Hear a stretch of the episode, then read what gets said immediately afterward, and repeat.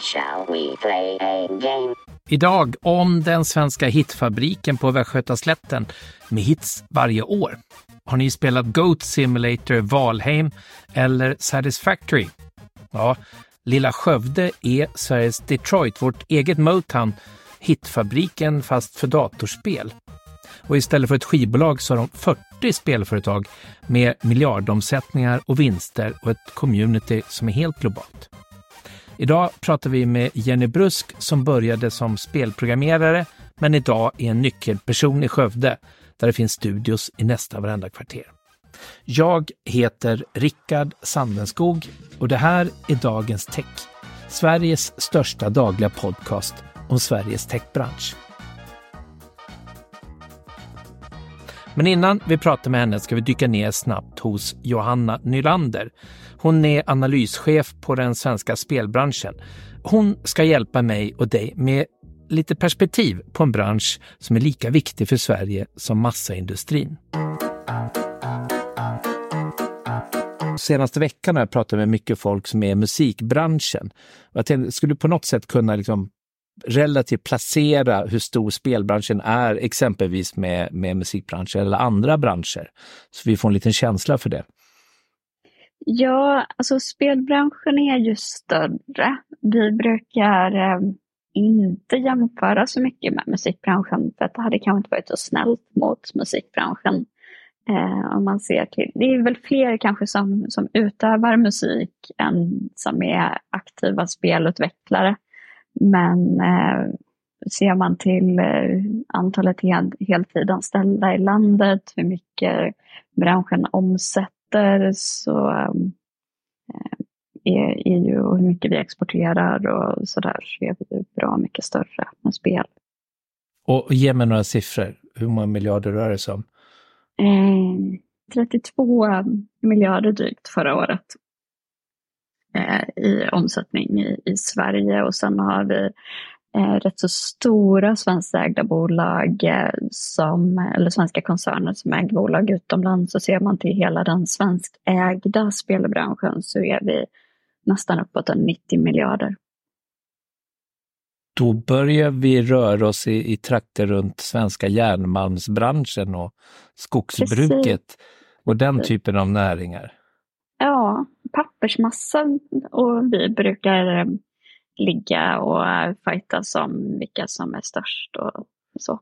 Jag, jag har gjort en del research också. Jag kan ju konstatera att det är ganska välmående bransch, för det finns ganska, det finns ju stora, stora förlagsgrupper, börsnoterade eh, bolag, Paradox Interactive, Embrace och alla de här.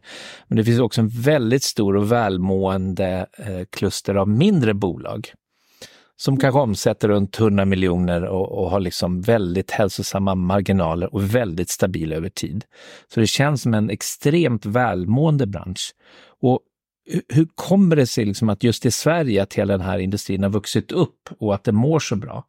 Ja, men jag tror att vi har goda förutsättningar här. Dels med hög teknikkompetens och tidigt bredbandsutbyggnad och alla de här sakerna samtidigt som vi har väldigt många kreativa människor som vill skapa saker. Och vi har att göra spel är, egentligen väldigt mycket grupparbete för att man är, har olika kompetenser som skapar spel tillsammans, grafiker och designers och programmerare. Och, eh, då passar våra svenska, kanske lite plattare organisationer och sådär som, som har gjort att det, vi har haft bra förutsättningar för att, för att skapa roliga spel.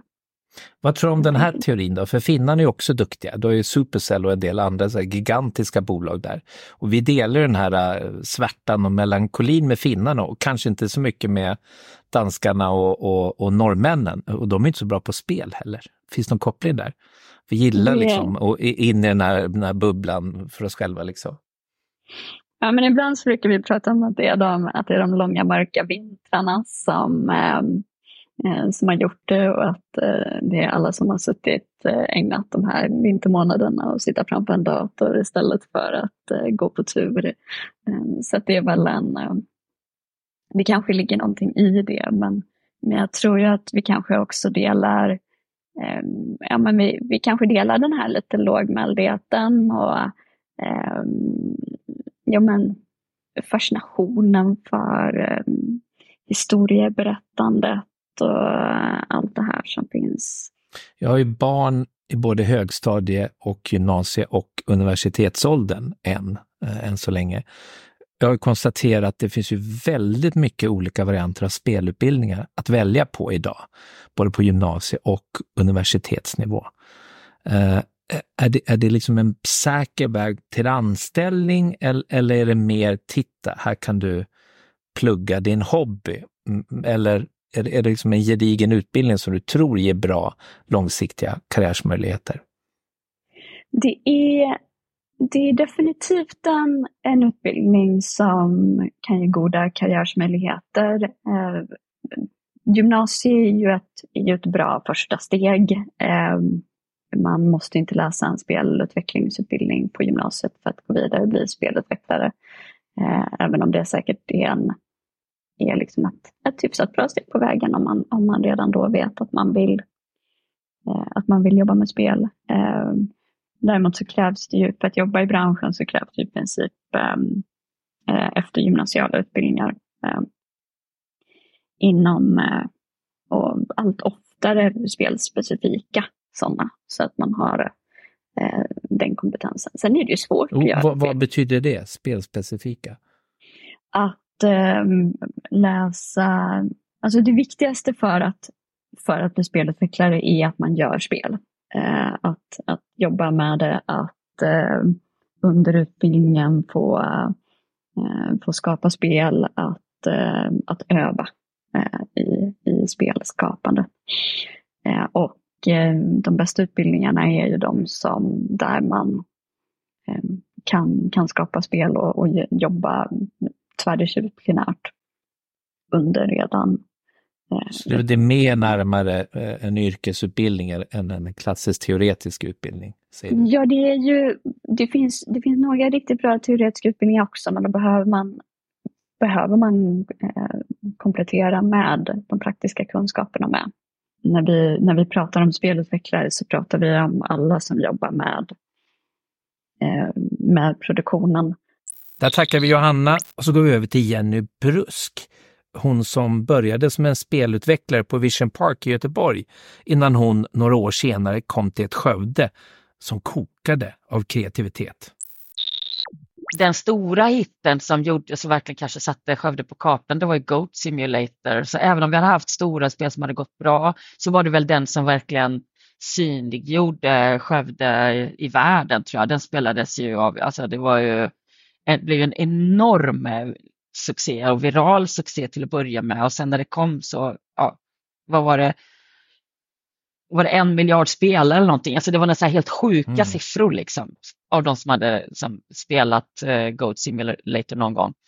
Men sen det senaste året har ju varit helt uh, ofattbart framgångsrikt. Vi har ju haft uh, Satisfactory som en jättestor succé från Coffee Stain och vi har ju haft uh, Valheim från eh, Iron Gate som ju var de var ju i våran inkubation så sent, vi exiterade dem förra året. Alltså förstår det här är en liten startup med ett litet team, då var de väl fem personer som startade, liksom, som släpper en spelsuccé. Det är ju egentligen helt galet.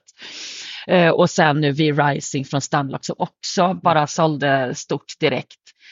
Eh, men sen har vi ju spel på gång också som får mycket uppmärksamhet. Nu precis i dagarna så släpptes det första teaser för ett spel som heter Lightyear Frontier från ett, också ett av våra gamla bolag som heter Framebreak som var också i våran eh, inkubator för inte så fruktansvärt länge sedan. Och det är ju det är så roligt för det här är ju också de som de har gjort hela resan från att först ha, vi pratar om alla de här bolagen, har gjort resan från att först plugga eh, hitta varandra under utbildningen och sen startat bolag och sen fått stöd genom inkubationen i startupprogrammen och sen lyckats få finansiering.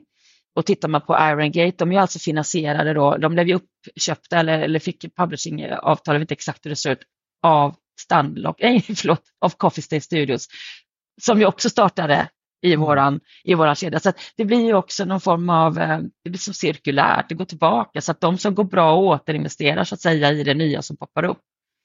Det Så blir det ett själv, självförsörjande ekosystem och det är inte så Ja. många sådana i Sverige. Stockholm var den första på techsidan och internationellt är den klassiska är ju, är ju Silicon Valley med Stanford som någon form av Ja, pumpande hjärta i mitten och den, den, Ja. de hjärtslagen har hållit på i kanske 50 år. Mm. Nej, men det, det, det, det, det, det är det som är så fantastiskt att det är en relativt liten ort och, och normalt så försvinner ju talangen bort såklart, men att man lyckats med att hålla kvar hela ekosystemet av utbildning och, och startups och sen under mognadsfasen också.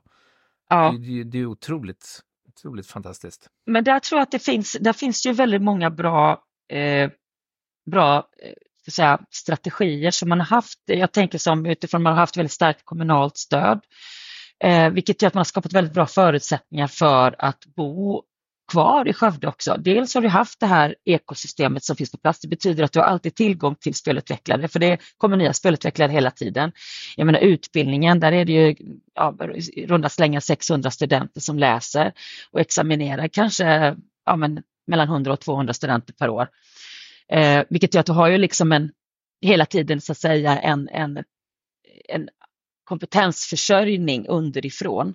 Och sedan har du då bolaget som stannar, vilket gör att de har alltid det. det kan de, de kan liksom alltid rekrytera internt eller från det här nätverket. Men du har också ett nätverk eh, och en pay it forward-kultur så att bolagen hjälper varandra och stöttar varandra. Det är gamla kompisar liksom, så att de har en väldigt god relation med varandra. Eh, det finns bra möjlighet att, att, att stanna kvar. Det finns bra kontorsytor som, som inte kostar skjortan. Det går bra att bo i Skövde. Det, inte, det kostar inte heller skjortan. Det finns bostäder. Det här är ju, så att säga, man, en sån liten kommun har ju någonstans de förutsättningarna som kanske en, en stor kommun, en storstad inte har. Jag menar att rekrytera till Stockholm utifrån är ju jättesvårt, för det är jättesvårt att hitta bostad, det är jättedyrt. Eh, jag menar bara det, och det är dyra lokalhyror och allting, så att jag tror att det tror jag är en anledning varför de också blir kvar. Är det en bruksort nu där bruket är det sammanlagda spelindustrin och det är en av de stora industrierna i form av arbetsgivare på kommunen? Man börjar väl närma sig i alla fall. Eller vilka är den traditionella arbetsgivaren i Skövde? Eh, oj, traditionell. nu ställer du svåra, svåra frågor, men, men det har ju alltid varit en jordbruks... Eh, det är Skaraborgsslätten, det är ju väldigt mycket jordbruk. Och det finns väl fortfarande kvar, men tittar man på Skövde som stad eh, och Skövde kommun, då är det ju, dataspel är ju väldigt stort och man pratar om spelstaden Skövde. Det är det man också marknadsför sig med. Och det har ju genererat fantastiska intäkter till staden. Finns det inte mycket av värdet från, från community till Skövde är just att det är ett community i Skövde. Man är hyfsat långt ifrån amerikansk västkust eller Stockholm så att man, kan, man har en förmåga, kanske tänka lite friare, det är lite mindre bolag och vara lite mer kreativa. Finns det en risk att den dimensionen försvinner när det blir liksom big business och, och miljardbolag och även av Skövdescenen? Eller är liksom den där, eh, den här lokala självständighetskulturen fortfarande stark? Den är väldigt stark skulle jag säga och jag tror att det finns ju framförallt en väldigt stark indiespelkultur i Skövde och det är den eh, vi har väl bollat flera gånger liksom om okej, okay, vi borde, och vissa kanske tycker att vi borde utbilda AAA-utvecklare till exempel, men det är inte det vi är bra på. vi är bra på indiespelutveckling och de bidrar ju till branschen på olika sätt.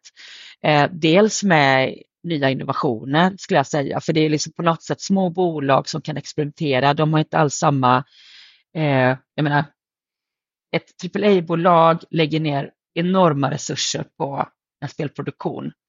De resurserna har ju inte våra bolag att lägga på sina produktioner, vilket gör att man måste jobba på ett annat sätt, men det gör också att de kan jobba mer experimentellt eh, och på det sättet bidra till branschens utveckling.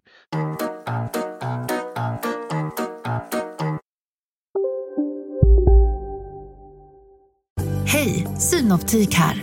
Hos oss får du hjälp med att ta hand om din ögonhälsa. Med vår synundersökning kan vi upptäcka både synförändringar och tecken på vanliga ögonsjukdomar. Boka tid på synoptik.se. Hej, Susanne Axel här. När du gör som jag och listar dig på en av Krys vårdcentraler får du en fast läkarkontakt som kan din sjukdomshistoria. Du får träffa erfarna specialister, tillgång till lättakuten och så kan du chatta med vårdpersonalen. Så gör ditt viktigaste val idag, lista dig hos Kry.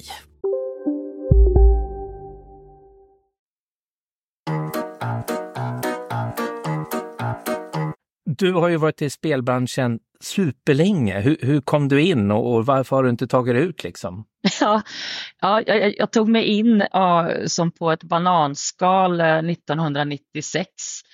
Eh, och sen, ja, sen blev jag kvar. Det, men jag kom in för att jag blev uppringd av en eh, spelutvecklare här i Göteborg som skulle eh, ja, de behövde anställa fler folk helt enkelt. De behövde anställa en programmerare och då hade han fått tips via en gemensam bekant om mig, för han ville ha en kvinna. Det fanns väldigt få kvinnor i branschen eh, och det var svårt att rekrytera kvinnor. Han kände bara män. Eh, det var bara män som jobbade där.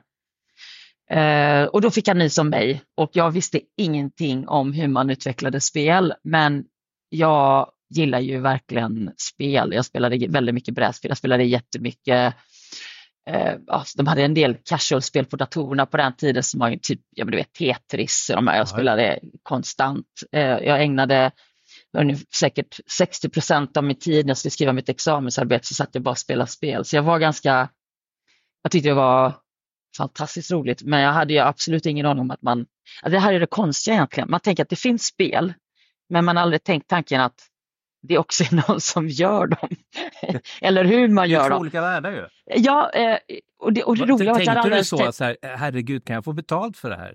Vad är det ni säger? Liksom? Nej, jag tänkte att när han frågade, är du intresserad av att, att börja komma och jobba på spelföretag? Så jag bara tänkte, kan man jobba som det? Hur gör man då? Hur får man grejer att röra sig på skärmen? Det var verkligen super basic, basic frågor som jag liksom direkt fick upp.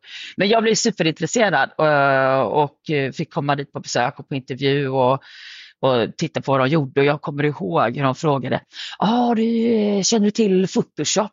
Och du vet, jag hade ju bara jobbat med, jag kom ju från datalingvistik då, eh, var utbildad inom det eh, och har bara jobbat med naturligt språkprocessering, det är dataspråk som Pascal och Prolog och och andra sådana logiska programmeringsspråk. Så här. Och när de börjar prata om du vet, de här kreativa verktygen då, som Photoshop och de jobbar också i Director och de jobbade eh, med databashanteringssystem som heter FileMaker och jag bara var som ett stort frågetecken. Vad vet, jag har ingen aning om vad du pratar om. Men jag, eh, jag kan programmera i Prolog.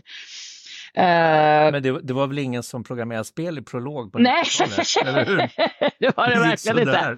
Nej, det var det verkligen inte någon som gjorde. Det, det här då för oss stockholmare, Skövde, det är en liten ort, ort inklämt mellan de stora sjöarna eh, någonstans i Västergötland, 40 000 invånare. Ungefär lika stort som Märsta där jag kommer ifrån. Men det enda vi har skitit ur oss är trummisen i, eh, i uh, Europe, Håkan Haugland. inte så mycket mer.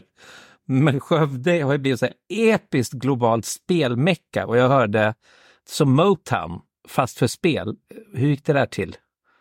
Ja, men det går ju tillbaka till början av 2000-talet eh, och det var ju lite i samband med att det, det var ju en otrolig hås kring eh, media och datavetenskap, alltså programmering, det var en hype kring eh, det här med webbutveckling eh, och ja, men hela den här alltså mediainriktningen var ju väldigt, väldigt hajpad där i slutet på 90-talet.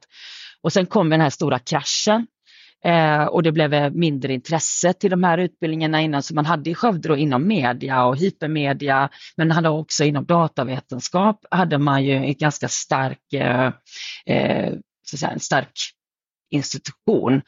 Och efter den här IT-kraschen så var det vid millennieskiftet så behövde man liksom hitta nya sätt att locka studenter. Man tappade ju så mycket studenter efter den här kraschen. Innan var det ju så här, det var ju så överfullt på alla utbildningar.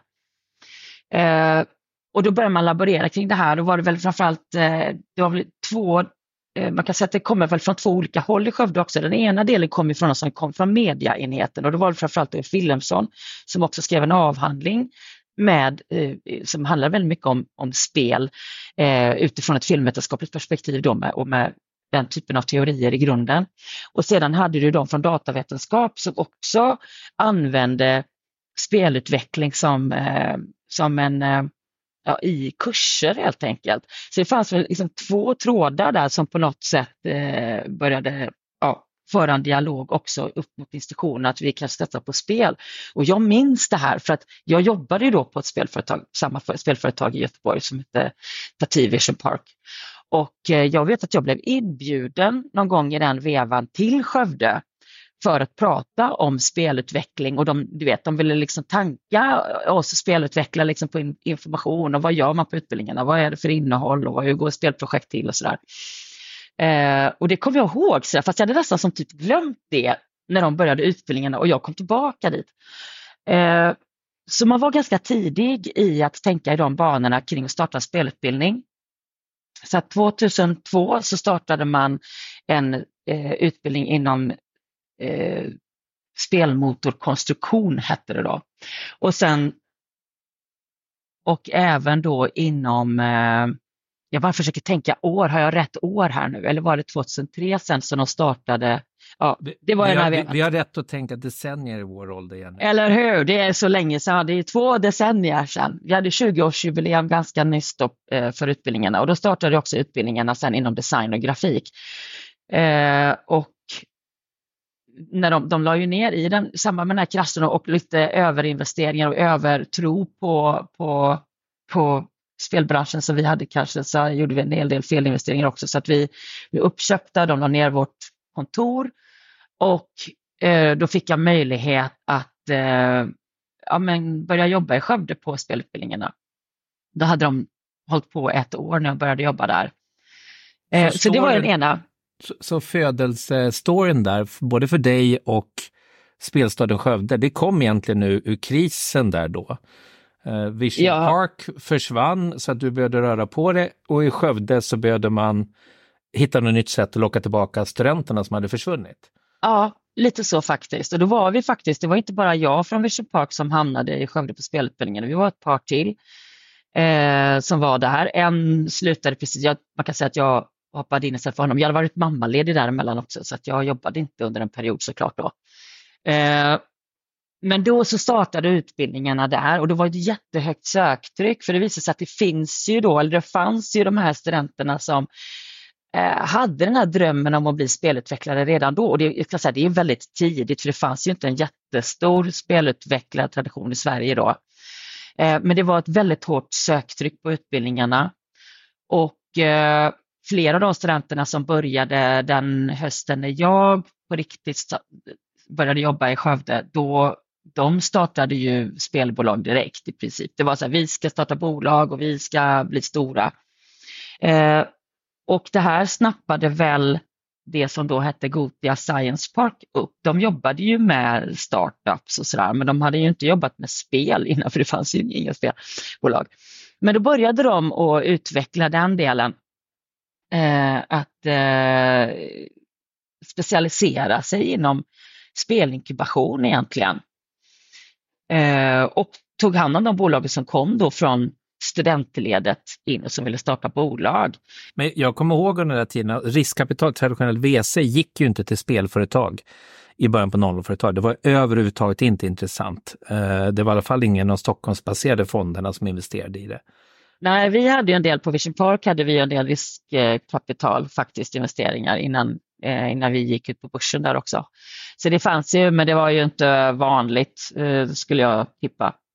Ja, men tänk, då blir ju vikten av att av att eh, institutionerna i Västsverige klev ju fram och tog en roll där då. Jag antar att det var ganska avgörande för att få igång branschen när den fortfarande var tidig och hyfsat obevisad. Ja, verkligen. Och sen handlar det ju, jag menar det som inkubatorn gör är ju också att hjälpa de här som då var studentgrupper egentligen att faktiskt bygga bolag och, och kunna växa och skapa liksom, ja, en hållbarhet i sin i, i sitt bolagsskapande så att det inte bara blev, alltså risken annars hade ju varit naturligtvis att de gör ett hobbyprojekt och så rinner det ut i sanden för man har inte liksom, eh, ja, stöd för att man har inte råd helt enkelt. Du, du var ensam kvinna på Vision Park på 90-talet och jag gick igenom lite gammal statistik och där stod det att en av fem i spelbranschen var kvinnor ungefär för fem år sedan ish. Och nu, nej, mm. ja, en av fem ja. Nu, nu börjar det kanske närma sig en av fyra. Mm. när når vi 50-50 tror du? Ja, du märker själv, det tar lite tid. uh, det är som med tror... börsstyrelser ungefär. Ja, det, alltså utmaningen skulle jag säga är att det finns en, en väldigt stark manlig norm kring tech rent generellt. Och eftersom spelutveckling består av tech och de här olika konstnärliga, kreativa eh, områdena så blir det på något sätt hela tiden en flaskhals på tech, det som mer är techinriktat. Och det kan vi definitivt se på utbildningarna där utbildningarna inom de konstnärliga ämnena som inom de olika grafikprogrammen eller game writing, sådär, där, är det ju i vissa fall en, en eh, majoritet kvinnor eh, och det är i princip 50-50 men ibland en, faktiskt en överrepresentation av kvinnor. Medan det är på de som är mer techorienterade eller programmeringsorienterade områdena som programmering och speldesign som också har lite mer eh, programmering i, i programmet. Där är det jättesvårt att få den eh, liksom balansen, den könsbalansen. Så där handlar det om att också tidigt, eh, tror jag, eh, försöka inspirera unga tjejer att välja teknik. Och det, det när de, alltså, är det för få som läser eh, tekniska ämnen på gymnasiet så blir det en effekt för oss också. Vi är i början på 2024. Vad, vad ser du fram emot själv under året och kanske vad som kommer hända i Skövde runt hela den här scenen? Ja, men alltså det, vi har jättemycket på gång. Jag, jag jobbar ju då på Science Park Skövde nu då och vi driver ju de här projekten, men sen driver vi också ett projekt som heter All In och där vi just, som, där målet är att öka andelen kvinnliga entreprenörer och grundare. Eh, så det är också ett led i det här jämställdhetsarbetet. Vi har ju jobbat med jämställdhet i många, många år eh, och genom också ett projekt som heter Donna som vi också driver då. Eh, så så just jämställdhetsfrågan är en superviktig fråga för oss. Eh, och eh, det projektet kommer vi, vi håller på att utveckla verktyg och så och det kommer att lanseras nu lagom till sommaren. Då kommer vi avsluta det projektet. Så det ser jag fram emot, att liksom se vad, vi, vad har vi kommit fram till egentligen. Då kommer det här skapa någon form av förändring. Eh, och då är väl förhoppningen att vi ska kunna fortsätta det projektet och tillsammans med de andra klustren i Sverige implementera de verktygen och se så att vi kan skapa effekt eh, nationellt. Jenny Brusk, superstort tack. Fantastiskt tack samtal. Ja, tack så mycket för att jag fick vara med.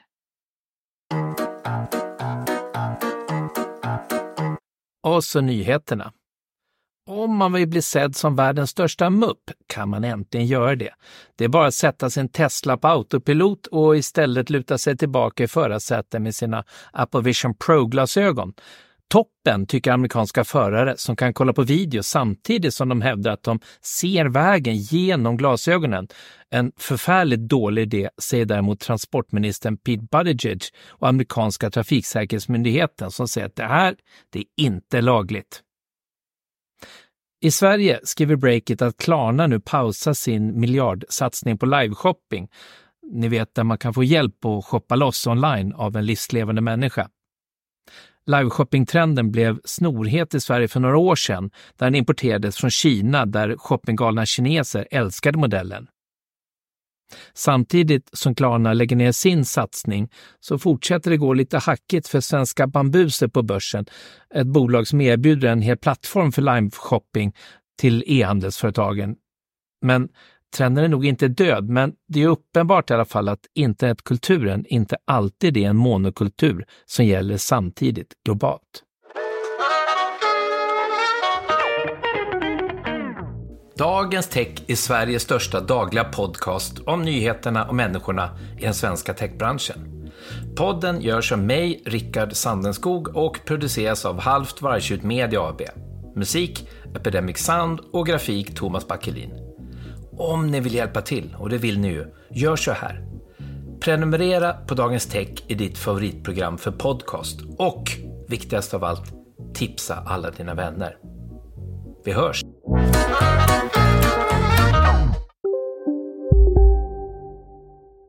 Big Mac har miljarder fans över hela världen. Under mer än 50 år har den skapat popkulturell historia. En legend med 100% nötkött och den mytomspunna såsen. Nu finns Big Mac för bara 39 kronor på McDonalds. Hej, Synoptik här. Livet med glasögon ska vara bekymmersfritt. Därför får du 30% på alla glasögon när du väljer Synoptik All Inclusive. All service ingår alltid. Välkommen till Synoptik. Okej hörni, gänget! Vad är vårt motto? Nej, allt är inte alltid som du tror. Nu täcker vårt nät 99,3 procent av Sveriges befolkning baserat på röstteckning och folkbokföringsadress. Ta reda på mer på 3.se eller i din 3-butik.